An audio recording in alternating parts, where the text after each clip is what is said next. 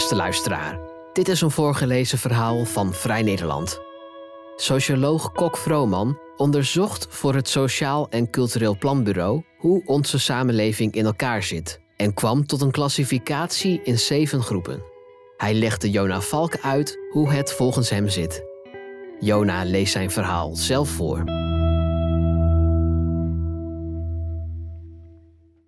In een lange bruine jas met een leren tas op de rug loopt Kok Vrooman van het station in Den Haag naar het kantoor van het Sociaal en Cultureel Planbureau. Hij is onzichtbaar in een menigte, terwijl hij de samenleving als geheel veel beter kent dan de meesten op straat. Professor Dr. Kok Vrooman is een socioloog die soms wat mistroostig in de verte staart. Vrooman lijkt meer geïnteresseerd in cijfers dan in mensen. Maar in zijn werk zijn de mens en het cijfer niet van elkaar te scheiden. Het individu bestaat eigenlijk niet in deze wetenschap. Mensen en hun overeenkomsten worden alleen van gepaste afstand zichtbaar. Hij benadert de sociologie vooral kwantitatief. De afgelopen jaren werkte Vrooman als strategisch adviseur van het SCP aan een onderzoek dat de samenleving onderverdeelde in zeven groepen de werkende bovenlaag, jongere kansrijken, de rentenierende bovenlaag, laag opgeleide gepensioneerden, de werkende middengroep, onzekende werkende en het precariaat. Aan het onderzoek deden 6800 mensen mee. Er is gemeten in 2019 en 2020 en het onderzoek heet Eigentijdse ongelijkheid. We lopen door het statige gebouw waar lang geleden het ministerie van Economische Zaken zat naar zijn kantoor. Meten is de wereld vergeten, zei filosoof A.W. Prins ooit. Maar overeenkomsten tussen mensen zijn onvermijdelijk en het beleid moet generiek zijn.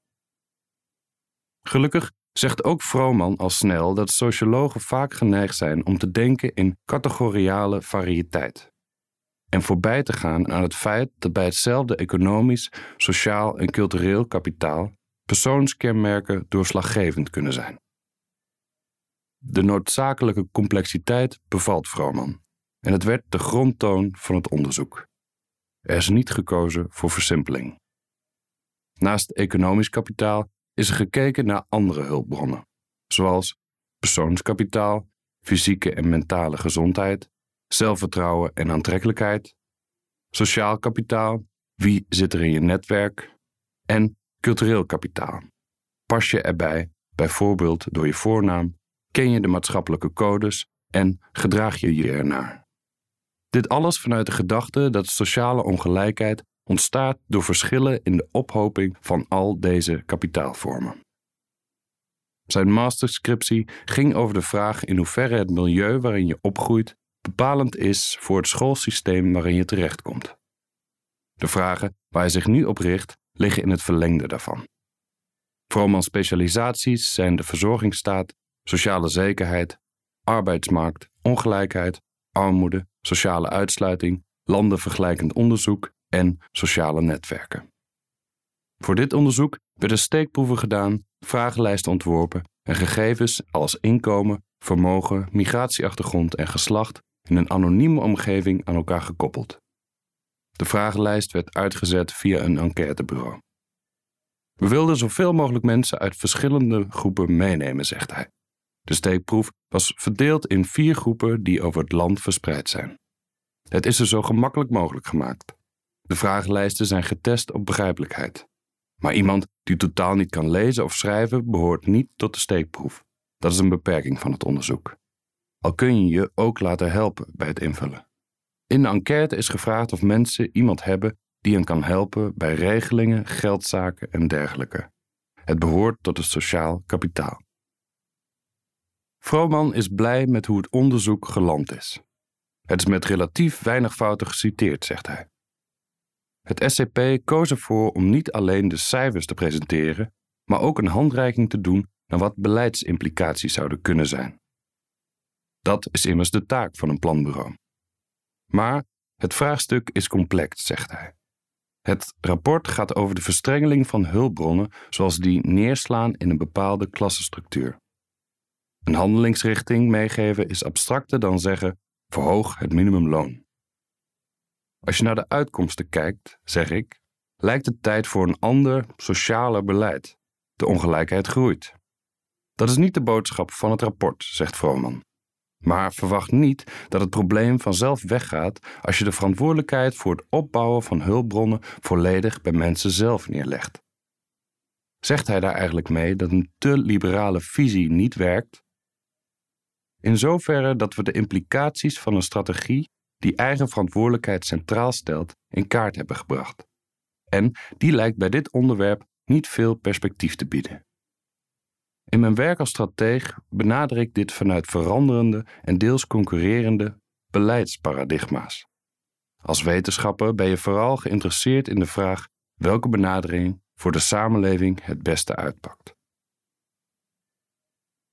Wat opzienbaarde bij de verschijning van het onderzoek is dat ook uiterlijk en aantrekkelijkheid zijn onderzocht.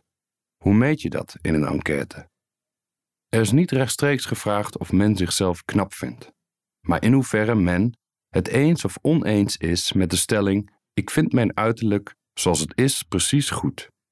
Omdat we uit de literatuur weten dat vooral mannen van een zekere leeftijd geneigd zijn de eigen aantrekkelijkheid te overschatten, hebben we bovendien een controlevaag toegevoegd. De meeste andere mensen vinden mij er goed uitzien. Op een schaal die loopt van dat vindt niemand tot dat vindt iedereen. Dat dwingt tot meer reflectie. Uiteindelijk gaat het natuurlijk om hoe de individuele scores die je zo krijgt verdeeld zijn. En we kunnen wel met zekerheid zeggen dat uiterlijk een belangrijke en opkomende ongelijkheidsdimensie is. Het SCP vroeg mensen ook of ze veel aandacht aan hun uiterlijk besteden en of ze proberen hun gezondheid op peil te houden.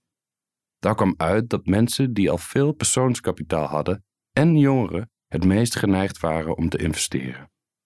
Vrooman zegt dat veel mensen, ook als ze het niet al te breed hebben, geld uitgeven aan cosmetische correcties en dat men dat vermoedelijk niet zonder reden doet. Bij de ontwikkeling van elk van de vier hulpbronnen kun je stellen: financiële middelen zijn van belang. Maar het omgekeerde geldt eveneens. Als je veel sociale relaties hebt, je de sociale codes goed beheerst, beroemd bent en er goed uitziet of heel fit bent, kun je dat monetariseren. Om het helemaal ingewikkeld te maken, kunnen de verbanden tussen de hulpbronnen per levensfase ook nog eens verschillen. Er kwam ook kritiek op de bevindingen van het SCP, van collega's en vanuit de media. Zo zou het theoretisch kader alleen gebaseerd zijn op de Franse socioloog Bourdieu, die een onderscheid aanbrengt tussen economisch, sociaal en cultureel kapitaal, en persoonskapitaal tot het laatste herleidt. Terwijl dat begrip in de studie eerder is gebaseerd op inzichten van de Italiaanse econoom Vilfredo Pareto die het belang van individuele verschillen en onderlinge competitie benadrukt. Vrooman citeert: Of bepaalde theoretici het nu leuk vinden of niet, feit is dat de menselijke samenleving niet homogeen is, dat individuen fysiek, moreel en intellectueel verschillend zijn. In de Volkskrant schreef Jochem Tolsma, hoogleraar sociale scheidslijnen, dat vooral het onderwijs verschil maakt en het beleid zich daarop zou moeten richten, niet op een klassenstructuur die volgens hem willekeurig is. We stellen niet dat het onderwijsstelsel er niet toe doet, zegt Vrooman, en dat onderwijs overbodig is, maar als onderwijs de alles overheersende factor zou zijn die de eigentijdse klassenverschillen bepaalt, dan zou dat uit onze analyse naar voren zijn gekomen. In dat geval zal men verwachten dat alle hulpbronverschillen een gelaagdheid op basis van onderwijs weerspiegelen. Maar dat is niet wat we vinden. Ook staat het meritocratische ideaal dat kansengelijkheid via het onderwijs kan worden gerealiseerd onder druk. Bijvoorbeeld door schaduwonderwijs en het groeiend belang van de locatie van scholen. In de reacties op het rapport viel Vrooman op dat sommige arbeidsspecialisten vonden dat het ongelijkheidsprobleem vooral moet worden aangepakt door een andere regulering van arbeidscontracten. Economen zien de kern van het vraagstuk dan weer vaak in de manier waarop we inkomen en financieel vermogen verdelen. We beweren niet dat zulke materiële factoren er niet toe doen, zegt Vrooman, maar we vinden het niet waarschijnlijk dat je de structurele tegenstellingen in de tegenwoordige samenleving op kunt lossen door het beleid uitsluitend te richten op zulke economische verschillen. Een van de vragen die het SCP stelde was of iemand voor 100 euro per persoon uit zou gaan eten. Dat is toch economisch kapitaal, zegt de econoom, niet volgens het SCP. Want je zou die 100 euro ook gewoon op de bank kunnen laten staan. Dan was iemand rijker geweest. Iemand besteedt die 100 euro wellicht omdat hij of zij er plezier aan beleeft. Maar vaak ook wel omdat men wil laten zien: kijk, ik kan me veroorloven om hier 100 euro aan uit te geven en ik heb letterlijk een goede smaak. Dan wordt zo'n uitgave omgezet in cultureel kapitaal, die je klassepositie markeert. In ons rapport hebben we geprobeerd duidelijk te maken dat men in de tegenwoordige samenleving allerlei hulpbronnen kan inzetten om meer van de andere kapitaalvormen te vergaren. Iemand zonder hulpbronnen heeft die mogelijkheid niet. En daardoor kunnen in de loop der tijd Matthäus-effecten ontstaan. De rijke rijker, de arme armer. Bestaat er een tegenstelling tussen de bovenste 1% en de rest van de bevolking? Die 1% is er niet uitgekomen als aparte klasse, zegt Vrooman. Als er echt één kleine homogene groep aan de bovenkant bestaat, dan hadden we die moeten aantreffen. Bij het trekken van de steekproef is gezorgd voor voldoende respondenten in deze categorie. Misschien overheerst in het publieke debat een neiging tot simplificatie. Een tweedeling praat makkelijk. Hoog, laag opgeleid, vermogend, minder vermogend, hoge en lage inkomens. Onze samenleving is gecompliceerder dan dat. Je hoopt dat een rapport als dit nuances in het debat brengt. Uiteraard heeft het precariaat andere dingen nodig. En misschien is dat toch wel het probleem: dat mensen aan de bovenkant anders naar de samenleving kijken, positiever en maakbaarder. En beleidsmedewerkers zitten waarschijnlijk aan die bovenkant. Dus dan moet er met de logica van de bovenkant over de onderkant worden beslist. Ja, dat is een opgave, zegt Vrooman. Maar het zit wat mij betreft veel meer in het voeren van een veelkleurig publiek debat. We zeggen ook in het rapport dat het niet gemakkelijk is om op deze complexe manier naar de samenleving te kijken. Maar het biedt ook kansen. Er is geen sprake van een simpele klassenverdeling die zich rechtstreeks vertaalt in polariserende visies op de maatschappij en het beleid. Niet iedereen aan de onderkant is verbitterd en ongelukkig. En het is ook niet zo dat aan de bovenkant niemand zich niets aantrekt van het lot van de minder bedeelden. Daar liggen politieke kansen. Het rapport is geen eenvoudig stappenplan of handboek naar minder ongelijkheid, maar wordt wel voorzichtig aangestuurd op verandering van de koers. Want het vertrekpunt is dat policy matters. Om de scheve verdeling van hulpbronnen tegen te gaan, is het van belang om de formele en informele regels van onze samenleving te bezien, zegt het SCP. Het gevoerde beleid kan, ook bij een heikele kwestie als deze, verschil maken, zegt hij. Er wordt gerept over de verschillen in de samenleving met moeilijk te rechtvaardigen oorzaken. De handvaten voor nieuw beleid worden aangeduid als gerichte aanvulling van kapitaaltekorten van sociale klassen, institutionele en organisatorische systeemaanpassingen, aanpak van de verwevenheid van structurele ongelijkheid met cohesie en legitimiteit.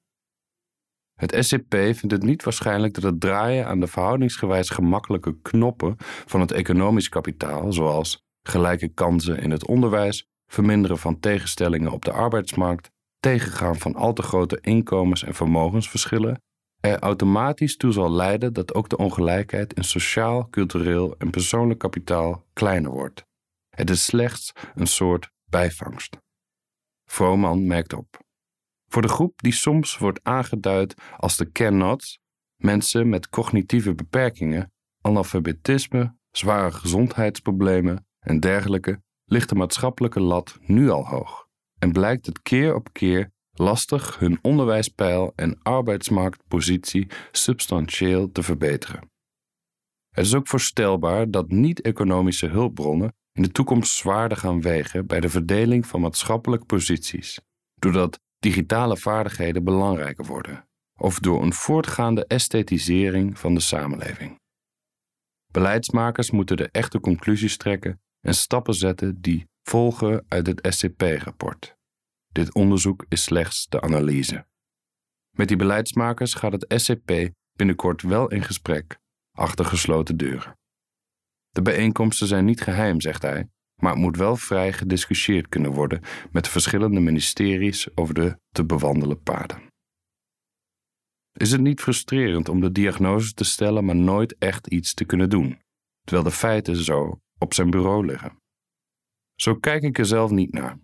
Wetenschap en beleidsadviseurs willen relevant zijn, maar niet op de stoel van de beleidsmakers gaan zitten. Het SCP is gesprekspartner van het kabinet. We zitten niet aan de knoppen, maar we zitten er wel dichtbij. Het probleem met meten is dat het vaak de wereld van gisteren laat zien. Dat beleid op het nu en de toekomst gericht moeten zijn. De metingen van het SCP stopten net voor de coronacrisis en sindsdien lijkt er veel veranderd. Toch verwacht Vrooman wat betreft klassenstructuur weinig nieuws. Het is inherent aan een klassenstructuur dat die traag verandert. De opvattingen van mensen, hoe men tegen samenleving, medemens en politiek aankijkt, zijn de laatste jaren echter wel pessimistischer geworden. We hebben de indruk dat dit een vrij algemene trend is geweest, waardoor de verschillen tussen de sociale klassen per saldo intact zijn gebleven. Het is ook niet zo dat als je de klassenstructuur gaat egaliseren, je al het ongenoegen in de samenleving oplost. Maar structurele ongelijkheid is wel onderdeel van de puzzel van het ongenoegen. Dit najaar verschijnt er een vervolgpublicatie over hoe de zeven klassen verdeeld zijn over het land. Het was interessant geweest om die te publiceren voor de provinciale statenverkiezingen. Maar het kost nog wat meer tijd, zegt Vrooman. Onlangs verscheen wel het onderzoek Elke regio telt van de Raad voor Volksgezondheid en Samenleving. En dat geeft ook al een inkijkje. Het Rijk wordt verantwoordelijk gehouden voor de te grote landelijke verschillen. Het noorden heeft bijvoorbeeld minder te besteden en de huisarts is er het verst weg. In de voormalige veenkoloniën en in Limburg is de levensverwachting 4 tot 5 jaar lager dan elders. Wat zich dan weer helder lijkt te vertalen in de proteststemmen op de BBB, die sierlijk om de welvarende Randstad en studentensteden heen krullen. Straks zal Vrooman weer met zijn rugzak naar het treinstation lopen. Ik ben benieuwd of hij door dit werk anders om zich heen kijkt op straat. Nee, zegt hij. Ziet hij dan geen verschillen? De ene een blik bier, de ander een Tesla? Nou ja, ik ben me wel bewuster van klassenonderscheid, maar ik loop niet iedereen te determineren van dat is een echt onzekere werkende. En dat is een typisch gevalletje van de rentenierende bovenlaag. Kijk naar de omslag van het rapport. Op de voorkant wilden we iets van de diversiteit in het land laten zien. Onze communicatiemedewerkers hebben goed gezocht. Uiteindelijk kwamen ze met monoculturele plaatjes. Bijvoorbeeld mensen op een markt. Maar niet iedereen loopt op de markt. In een weekend ben ik nog een keer gaan speuren en toen kwam ik dit plaatje tegen. Het aardige hiervan is dat er hiërarchie in zit, want we zien mensen letterlijk op een trap. Het is ook behoorlijk divers. Hij wijst op een jongen. Dit lijkt me wel iemand van de werkende middengroep. Maar hij is wel een beetje stoer, dus misschien is het ook wel een onzeker werkende. Hier wat oudere mensen, een duidelijk verschil in de etniciteit. Ook veel jongeren die voor een deel bedrukt kijken. Dus daar zitten misschien onzekere werkenden bij, of studenten. Maar ze moeten natuurlijk ook gewoon goed opletten om niet van de trap te vallen, lachte hij. Dat dit het meest diverse plaatje was dat we konden vinden, zegt ook wel iets. Kennelijk is het moeilijk en moet je lang zoeken naar een plek waar iedereen in dit land samenkomt. Vrooman loopt met me mee naar de uitgang. Het gebouw is zo goed als leeg. In het trappengat blijft hij even staan en zegt: Het mooie van deze trap is dat die nog intact is. Hier lag vroeger een loper. Het marmer is lichter waar de loper lag. Hier hebben generaties ambtenaren overheen gelopen. Het is zo goed mogelijk schoongemaakt maar de sporen van het verleden laten zich niet helemaal uitwissen. Het is alsof hij nog altijd over zijn onderzoek spreekt. Het milieu waarin je opgroeit, je verleden, is vaak onuitwisbaar en bepalend voor je toekomst. In de aankomsthal, met een grote statige trap waar nog wel een rode loper ligt, zegt Vrooman: Het verhaal wil dat dit vroeger de entree was voor ambtenaren met de titel referendaris of hoger. De rest van het personeel moest via de zijtrappen naar boven. Nu mag iedereen er overheen lopen. Het klassenverschil is opgeheven. Hier althans.